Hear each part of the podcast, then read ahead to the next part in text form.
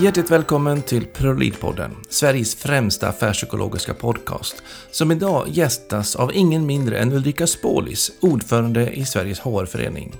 Och det är ett specialavsnitt av Prolidpodden som du hör på, där vi gästas av talare och gäster direkt på plats under HR-dagarna 2018 och det är i ett samarbete då med Sveriges HR-förening. Och som vanligt så är det jag, affärspsykolog Jan Blomström vid Prodi Ledarstöd som möter drivna ledare och HR-experter som jag är lite extra nyfiken på. Men här har jag också fått en förstärkning vid min sida i form av 2018 års Magnus Söderström stipendiat, Rikard Mårtensson, som är medgrundare och seniorkonsult vid Human and Heart HR. Nu kör vi!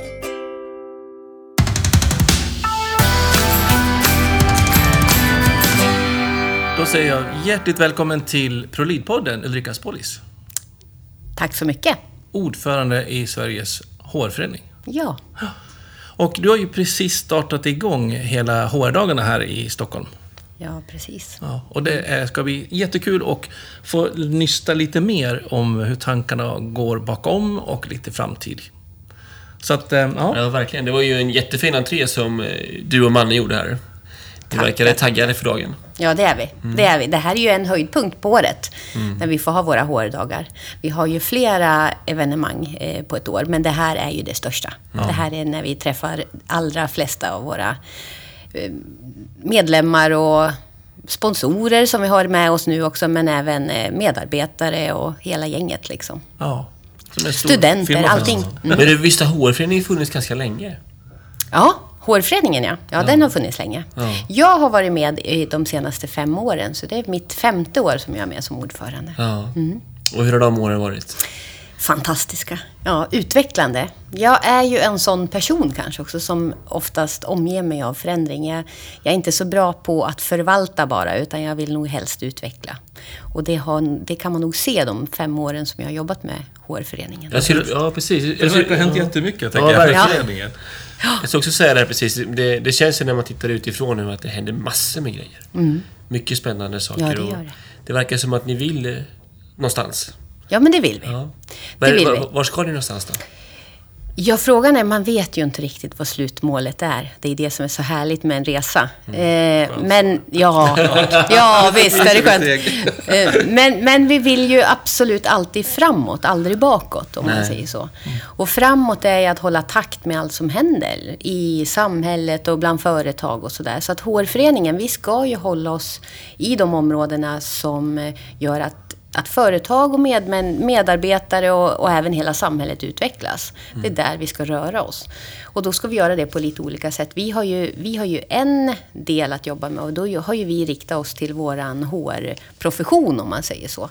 Vi tycker att den är viktig. Vi ser att, eh, att det är en, eh, gör skillnad för företag om man gör det på rätt sätt.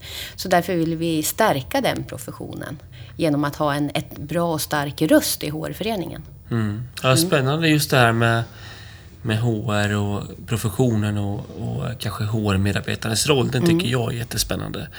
Och det är en fråga som jag bollas mycket med. Och jag, den ska jag vilja ställa till dig, som är nu ordförande för, för vår branschförening. Eh, Vad tycker du att HRs uppdrag bör vara egentligen? Jag kommer nog tillbaks. För, för fem år sedan när jag blev ordförande, då fick jag den frågan. Vad ska HR göra? Och då sa jag en sak i någon tidning, jag kommer inte ihåg, som jag blev citerad på. Och jag, jag tycker fortfarande så att det finns, det som HR ska göra, det, vi ska jobba med det som håller våran VD och våran chef vaken om nätterna. Det var ju faktiskt ett väldigt spännande svar tycker jag. Ja, det är där vi, där, det är där vi är som bäst. För oftast är det sådana saker. Det är ju det som, som är besvärligt i, en, i en företagsledning. Eller som är bes, eller roligt för den delen. Men oftast med en utmaning.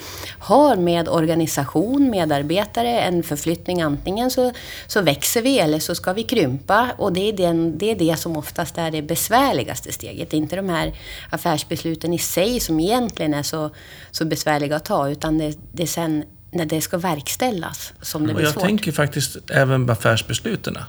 är ju också något man ligger vaken på.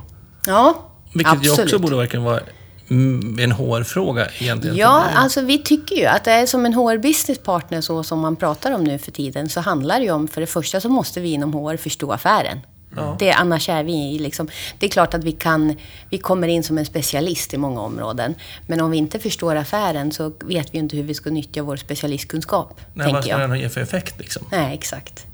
Så vi måste förstå affären och förstå vad det är vi gör skillnad någonstans. Det är ju liksom nummer ett. Men, men, så att jag tycker att det är en ganska bra tumregel att ska vi göra oss relevanta så ska vi jobba med de frågor som är de mest utmanande för företagen. Mm. Mm. Ja, det är spännande.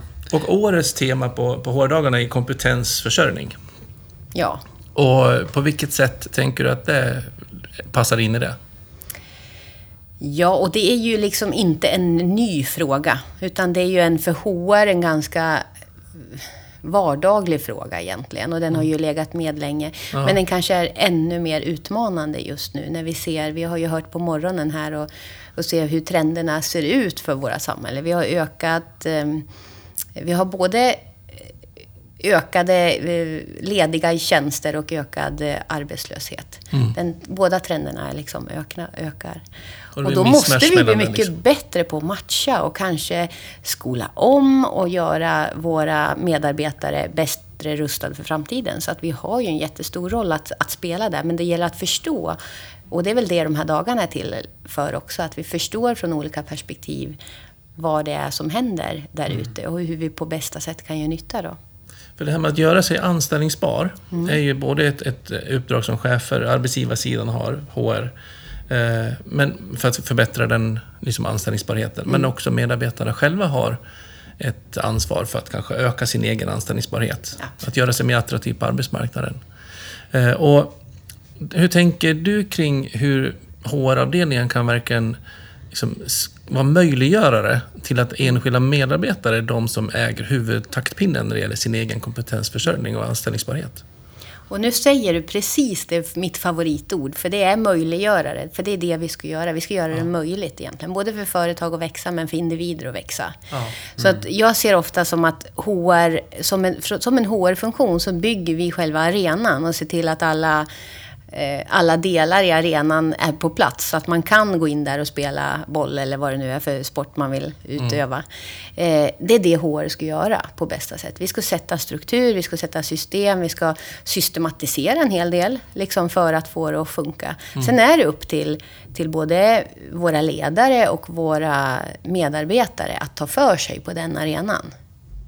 Och om, är det mm. de som bestämmer hur mycket de vill ta för sig då? Eller kan man vara tydlig i förväntan där? Ja, men förvänta, och det är en del av ledarrollen, ja. tycker jag. Alltså man ska vara tydlig som ledare med vad förväntningarna är och vad som ska vara. Så att man ser att man kan ta, ta beslutet själv som medarbetare.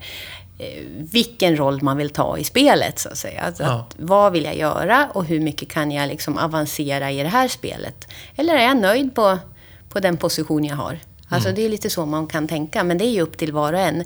Men ledare så måste man ju vara väldigt duktig på att målsätta och målstyra och sådär. Jag tycker det är en av huvuduppgifterna som, som ledare, att sätta förväntningar. Men också vara duktig på att följa upp och ge feedback. Mm. På, så att man har möjlighet att, att, att utvecklas.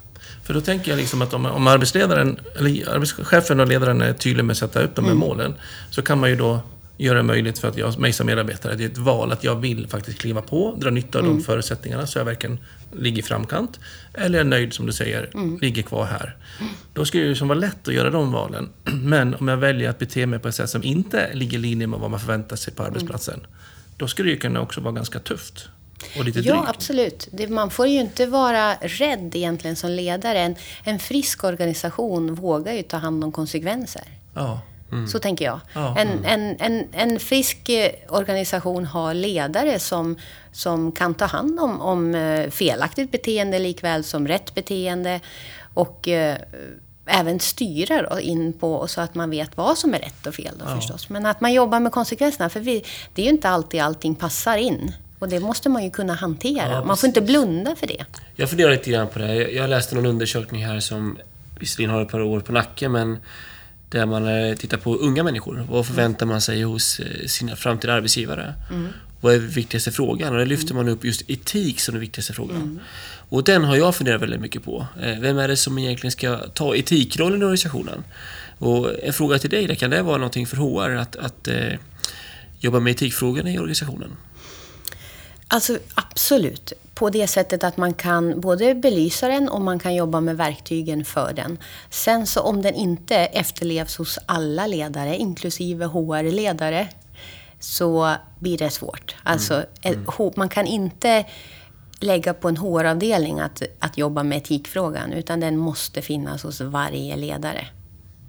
Det är klokt. Så att inte man skickar fram en HR-människa som ska prata etik? Nej, det kan man inte. Men man kan göra ritningen kanske på hur ja, man ska... man kan göra ritningen. Man kan sätta upp vad är det vi ska säga och vad är det vi ska göra och hur gör vi det? Ja. kan vi också hjälpa till med. Mm. Men eh, det måste, vara, det måste byggas in i ledarskapet i en mm. organisation. Jag och tänker... det gör ju HR.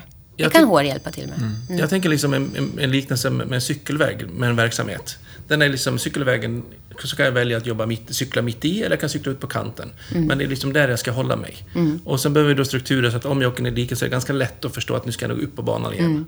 Men om jag inte vill följa beteendet som ligger, mm. etiken eller ambitionen eller vad det nu är för någonting. Så då är jag ute i diket och cyklar och då är det ju tungt. Och då är det ju verkligen jobbigt att vara utanför huvudspåret. Mm. Mm. Så kan man ju ha liksom olika, om det är ättestupa rakt utanför ja. eller om det är bara en liten åker eller någonting. Ja, precis. Men, men det här med att, att göra det här möjligt mm. och, och, ge verktygen, att våga kliva fram mm. som HR-funktion, att säga att det här förväntar vi oss mm. från er chefer att ni lever efter. Mm. Så följ ritningen. Etik ligger ju också väldigt nära liksom, företagskultur, tänker jag då. Kultur, och det är ju också någonting som vi jobbar med från ett HR-perspektiv. Mm. Eh, men det är ju återigen det är ju också ett, ett kollektivt beteende. Så det är ju mm. inte HR som kan jobba med företagskulturen, utan den sitter ju i företaget. Den sitter i hur vi faktiskt, framförallt är ledare mm. och medarbetare i en organisation. Hur vi får och hur vi faktiskt beter oss och hur vi är mot varandra. Det kan stå var som helst på väggen. Om vi inte lever efter det, liksom var och en, så, så är det Man får ju inte... Alltså det är ju inte en slump vilken kultur man har. Nej, Nej det tror inte jag heller att det är. Mm. Och många gånger när det står på väggen så har man det ju där därför att man inte har det i beteendena. Ja, precis. Ja, men, och då blir det en missmatch. Liksom. Ja, mm. det ska ju vara hur vi faktiskt gör. Ja. Eh, lite medskick då till lyssnarna kring vad du som ordförande ser bilden av hur vi pratar om HR-föreningen 2030? Ja, jag tror ju att vi fortsätter att jobba med de relevanta frågorna. Och då kan man ju undra, vad är relevanta frågorna? HR-föreningen för mig, det är att vi fortsätter att stärka HRs profession, våran roll, hur vi kan göra företag framgångsrika och medarbetarna i de företagen framgångsrika. Det är ju liksom delen av vad vi gör. Mm. Så att vart vi befinner oss i 2030, mm. det beror ju lite på vad, vad, vad hela samhället har tagit sig då. Mm. Jag menar, ska HR Ska vi vara relevanta 2030, då ska vi hänga med. Mm. Då ska vi vistas i de frågor som är relevanta. Vi ska våga ta ställning till det som är, lägga det som är lite jobbigt att prata om på bordet, för det tror jag att vi är duktiga på. Mm. Eh, vi kan ta sådana diskussioner, vi kan, vi kan eh, ha, föra dialoger om sånt som också kan vara lite jobbigt. Mm. Det tror jag att vi kommer, det måste vi, det tror jag att kanske vi kan, är ännu bättre på 2030. Mm. Och jag tror att det är mer relevant då, för de frågorna är ju, precis som du säger, ungdomarna pratar om etik. Mm. De kommer att vilja, mer och mer är det här eh, värderingar, etik, eh, högre syfte, de delarna. Mm. Och då tror jag att det kan vara viktigt eh, för HR-föreningen att hjälpa vår prof profession och bygga den mm. ytterligare med att, att stärka oss i det, i det avseendet. Om inte pendeln har slagit tillbaka? Om inte pendeln har slagit tillbaka, så då måste vi hänga med. Så ja. att vi tar ju, det, det får ju framtiden mm. utvisa mm. liksom, var, vart vi är. Men att vi hänger med det som är viktigt och det som faktiskt eh, hela tiden driver samhället och företag framåt. Mm. Det är ju min fokus. Ja, intressant är just med etik, tänker jag. För jag, jag pratade med en företagsledare ganska nyligen. Jag kan inte avslöja vilka produkter det är, för det blir så mm. väldigt tydligt. Men det kanske är en produkt som eh, som inte... Fyra eh, Nej, en icke hälsosam produkt kan vi säga mm. då. Och det, och, och det intressanta i det här är att man har väldigt svårt att rekrytera personer. Ett, ett ja. fantastiskt företag som i sin interna organisation, i sitt sätt att eh, leda och sin mm. medarbetarskap. Men människor väljer inte att jobba där just med anledning av det man mm. producerar. Mm. För man vill inte vara en del av det liksom. Nej, precis. Just det, det, det du pratar om, det här med det högre syftet och de här delarna. Det är ju, det är en, eh, ja, en väldigt spännande reflektion som, Eh, som jag gjorde när, när man reda lite mer på det där. Och det är ju alltid en pendel som slår, Ja, så är det. ja. Men just nu så är det ju mycket mer attraktivt att jobba just i, det är i statliga bolag och det är i alla som har ett, ett annat högre syfte eller samhällssyfte eller en samhällsnytta eller Mm. sådär. Det är lättare nu. Man ser ju annorlunda på det nu än för några år sedan. Att få ta ett jobb, en anställning där. Ja, jag tänker på Av min samma egen, skäl. Ja, precis. Jag tänker på min egen generation. Jag tror inte vi hade brytt oss så hårt i det läget. Vi hade nog... Kåren så länge de är bra, har vi nog hoppat in där tror jag. Jag är för gammal för den i alla fall. Men jag tycker också du lyfter fram en viktig sak där med att vi behöver vara där i diskussionerna som, som är på agendan och vi behöver vara den som lyfter frågorna även om de är svåra. Och även om inte vi är riktigt bra på det så är vi i alla fall bäst. För det är vår profession. Precis. Och vi behöver vara bra i de frågorna. Och vi kan återigen skapa arenan där dialogen kan föras. Ja, Vi talar inte om vad som är rätt eller fel, men vi, vi ska ändå göra det möjligt att föra en dialog. Men ska man ha legitimation och sådär när man jobbar med HR? Certifiering eller... Hur ska vi veta att det är bra kvalitet på oss HR-medarbetare? Ja, det är ju faktiskt en bra fråga och det är en ständig fundering faktiskt. Var- För det är ju andra professioner som har just det. Certifiering och, och legitimation. Vad tycker du då? Ja, någon typ av certifiering skulle nog vara intressant att fundera på, men jag kan inte säga vad kriterierna för dem skulle vara. Nej. Riktigt. Men någon typ av certifiering att man har... eh, Den ska nog vara ganska bred för en HR-profession tror jag. Men... Ja, Men ska i alla fall inte intressant. vara att man bara frågar medarbetaren, tycker du jag är bra? Ja, lite mer. Lite, lite, lite mer. Ja, lite mer tror jag. Jättespännande att få haft dig här. Ja, Och, eh, verkligen. Jag önskar dig all lycka till resten av dagarna här på HR-dagarna. Och ser fram emot nästa års tema. Som handlar om framtidens arbetsplats lite grann. Lite grann det jag varit inne på. Så att eh, alla ni som lyssnar så anmäl er redan nu till nästkommande HR-dagar. Tack så mycket. Tack. Tack. Tack.